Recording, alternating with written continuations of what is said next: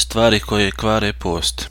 Sva hvala pripada samo Allahu, onome koji poznaje i vidljivi i nevidljivi svijet. Onome koji poznaje ono što rob skriva i što na javu iznosi, pa čak i ono što misli. On jedini stvara sve svjetove i razvija njihove sposobnosti, uređuje njihovo stanje od kretanja do smirenosti. Sve je u najljepšem skladu stvorio, sluh nam i vid podario, svojim sveobuhvatnim znanjem izbrojao je lišće na stablima. Zemlju je postavio i prostranom učinio, nebesa sagradio i podigao i na njima u noćnim satima zvijezda razasuo. On spušta kišu koliko i treba, niti mnogo, niti malo, pa njome spašava bilje od suše. Ovo je Allahovo stvaranje, pa pokažite mi šta su stvorili drugi koji se mimo njega obožavaju. Zahvaljujemo se na njegovoj darežljivosti i njegovom dobročinstvu i svjedočim da nema drugog istinskog Boga osim Allaha jedinog, on nema sudruga ni u obožavanju ni u vladanju. I svjedočim da je Muhammed njegov robi njegov poslanik, kojeg je on podržao svojim dokazima. Neka je Allaho salavat i salam na njega i na njegovog druga Ebu Bekra koji je uvijek bio uz njega. I na Omera koji je zabrinjavao Kisru i na njegovom dvoru i na Osmana koji je noći provodio u učenju Kur'ana i na Aliju koji je otvorio vrata Hajbara i zatresao njegove zidina, kao i na svu vjerovjesniku u porodicu sve njegove ashabe i sve one koji se zalažu u pokornosti svome gospodaru u svakom stanju. Draga moja braćo, Svevišnji Allah je rekao, zato se sada sastajte sa njima u želji da dobijete ono što vam je Allah već odredio. Jedite i pijte sve dok ne budete mogli razlikovati bijelu nit od crne niti zore. Od tada postite sve do noći. Svevišnji Allah u ovom ajetu spominje osnovne stvari koje kvare post, a vjerovjesnik sallallahu alaihi wasallam dopunio je te stvari u sunnetu. Tako postoji sedam stvari koje kvare post. Pod broj 1. Spolni odnos koji se ubraja u najteži prijestup i grijeh po pitanju posta. Dakle, ako bi postač imao odnos, njegov bi post bio pokvaren bez obzira radilo se o obaveznom ili dobrovoljnom postu. Zatim, ako se radi o ramazanskom postu, uz napaštanje posta obavezan je dati i veliki iskup. To jest, ili osloboditi roba vjernika, a ako ga ne nađe, onda postiti uzastopno dva mjeseca, bez pravljenja prekida osim iz šerijetski opravdanog razloga, poput bajramskih dana ili dana tešrika, to jest tri dana nakon kurban bajrama, ili zbog bolesti ili putovanja na koje se ne polazi radi mršenja. Ako se napravi prekid bez opravdanog razloga, mora se ponovo otpočeti post iz početka, kako bi se ostvarila uzastopna uzastopnost. Ako se ne može postiti uzastopno dva mjeseca, onda će nahraniti 60 siromaha, tako što će udjeliti svakom siromahu oko 510 grama kvalitetne žitarice. U muslimovom sahihu stoji da je jedan čovjek imao odnos sa svojom suprugom pa je upitao vjerovjesnika sallallahu alaihi wasallam o tome, a on ga je priupitao možeš li osloboditi roba? Čovjek je odgovorio ne. Možeš li postiti dva mjeseca? U drugim predanjima stoji dodatak dodatak uzastopno? Upitao je poslanik, čovjek je odgovorio, ne. Onda nahrani 60 siromaha, rekao mu je Allahu poslanik sallallahu alaihi wasallam. U dva sahiha bilježi se slična predaja, ali u podužem kontekstu. Pod broj 2, svjesno izbacivanje sperme usled poljupca, dodirivanja, samozadovoljavanja i slično. Ovo su strasti koji se čovjek mora kloniti tokom posta, kao što se navodi u hadisi Kuciju, gdje Allah Đelešanuhu kaže ostavlja svoju hranu piće i strasti radi mene. Što se tiče samog poljupca, dodira i slično, nakon kojeg ne dolazi do izlučivanja sperme, te stvari ne kvare post. Jer se u dva sahiha bileži da je Aisha radijallahu ta'ala anha rekla, vjerovjesnik sallallahu alaihi wasallam kao postač ljubio je svoje supruge i doticao ih, zabavljao se nekom od svojih supruga ili žena, međutim on je svojim strastima vladao više od vas. U muslimovom sahihu spominje se da je Omar ibn Abi Selema upitao upitao vjerovjesnika sallallahu alaihi wasallam smije li postač poljubiti. Vjerovjesnik sallallahu alaihi wasallam rekao je upitaj ovu, to jest umu seleme, pa ga je obavijestila da je to Allaho poslanik činio. Omer je rekao Allahu poslaniće, Allah ti oprostio prethodne i buduće grijehe.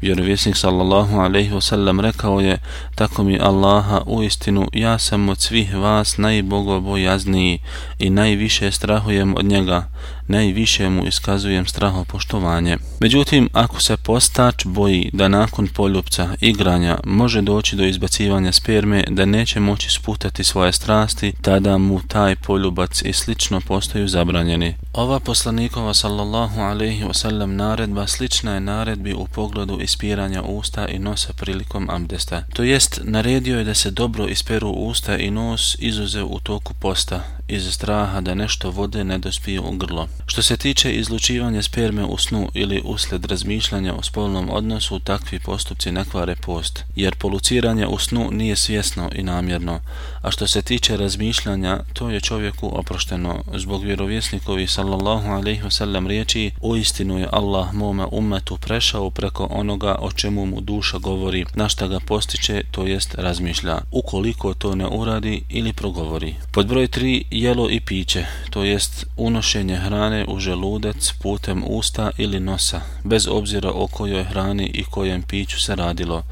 Zbog Allahovi subhanahu wa ta'ala riječi jedite i pijte sve dok ne budete mogli razlikovati bijelu nit od crne niti zore. Od tada postite sve do noći kao i zbog hadisa Lekite ibn Sabira radijallahu anhu u kojem vjerovjesnik sallallahu alaihi wasallam kaže i dobro isperi nos osim ako budeš postač. Što se tiče mirisanja parfema i slično, to ne kvari post jer miris nije hrana koja ulazi u želudac. Pod broj 4. stvari koje su u značenju jela i pića. Postoje dvije vrste takvih stvari. Prva stvar, transfuzija, to jest postač prima krv. Na primjer, u slučaju da dobije krvarenje, postaču je neophodno dati krv, ali time se prekida njegov post jer se krvlju hrani organizam. I druga vrsta su hranjive injekcije koje su dovoljna zamjena za hranu i piće. Ako postač koristi ovakve injekcije, time prekida post, pa makar one u suštini i ne bile hrana i piće, jer ipak su u značenju hrane i pića, tako da se tretiraju u okviru propisa o hrani i piću tokom posta. Što se tiče injekcija koje nisu hranjive, svejedno u koji dio tijela se one primale, pa čak i u venu, dozvoljeno ih je primati čak ukoliko bi osjetio gorčinu,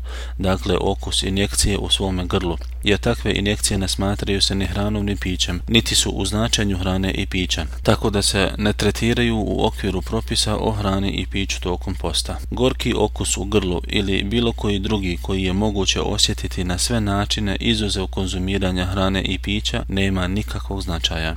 Zbog toga naši islamski pravnici kažu ukoliko bi svojim stopalom stao na gorku divlju tikvicu pa njenu gorčinu osjetio u svome grlu, time ne bi pokvario post. Šehol Islam ibn Taymiye, rahimahullah, u svojoj poslanici suština posta rekao je Ne postoje dokazi koji ukazuju da su Allah i njegov poslanik učinili zabranjenim tokom posta sve ono što dospije u mozak, tijelo ili želudac i ono što ima slična značenja koja spominju pripadnici ovog mišljenja. Dakle, ako ne postoje dokazi za spomenuto, tada su riječi u istinu su Allah i njegov poslanik učinili ovu stvar zabranjenom tokom posta, riječi izrečene bez znanja. Pod broj 5. Vađenje krvi putem hijjame zbog vjerovjesnikovi sallallahu alejhi ve sellem riječi prekinuo je ili pokvario je post i onaj koji čini hidžamu i onaj kome se čini hidžama. Buharija rahmetullahi alejhi rekao je po pitanju ovoga nema vjerodostojnijeg hadisa.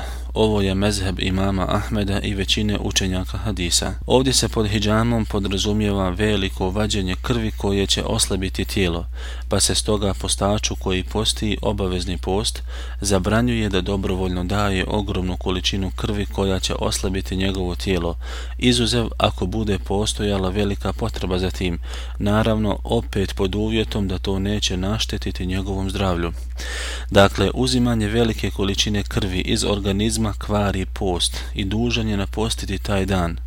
Što se tiče izlaska krvi usled vađenja zuba, otvaranja i previjanja rane, vađenja krvi zbog nalaza i slično, to ne kvari post jer to nije hijjama niti je slično njoj i ne slabi tijelo kao što ga slabi hijjama. Pod broj šest, namjerno povraćanje, to jest izbacivanje sadržaja želuca kroz usta. Zbog vjerovjesnikovi sallallahu alaihi wasallam riječi, koga savlada povraćanje, neće napostiti taj dan. Međutim, onaj koji namjerno povrati, on neka napusti. Pod namjernim povraćanjem podrazumijeva se namjerno pritiskanje stomaka ili stavljanje prsta u grlo ili mirisanja određenog mirisa ili gledanje u ružan prizor s ciljem izazivanja povraćanja. Sve navedeno kvari post. Ako pak bez ikakvog razloga dođe do povraćanja, to neće pokvariti post i u trenutku povraćanja ne mora se nastojati spriječiti povraćanja jer to može naštetiti zdravlju. Dakle, isto kao što neće namjerno pokušavati da povrati,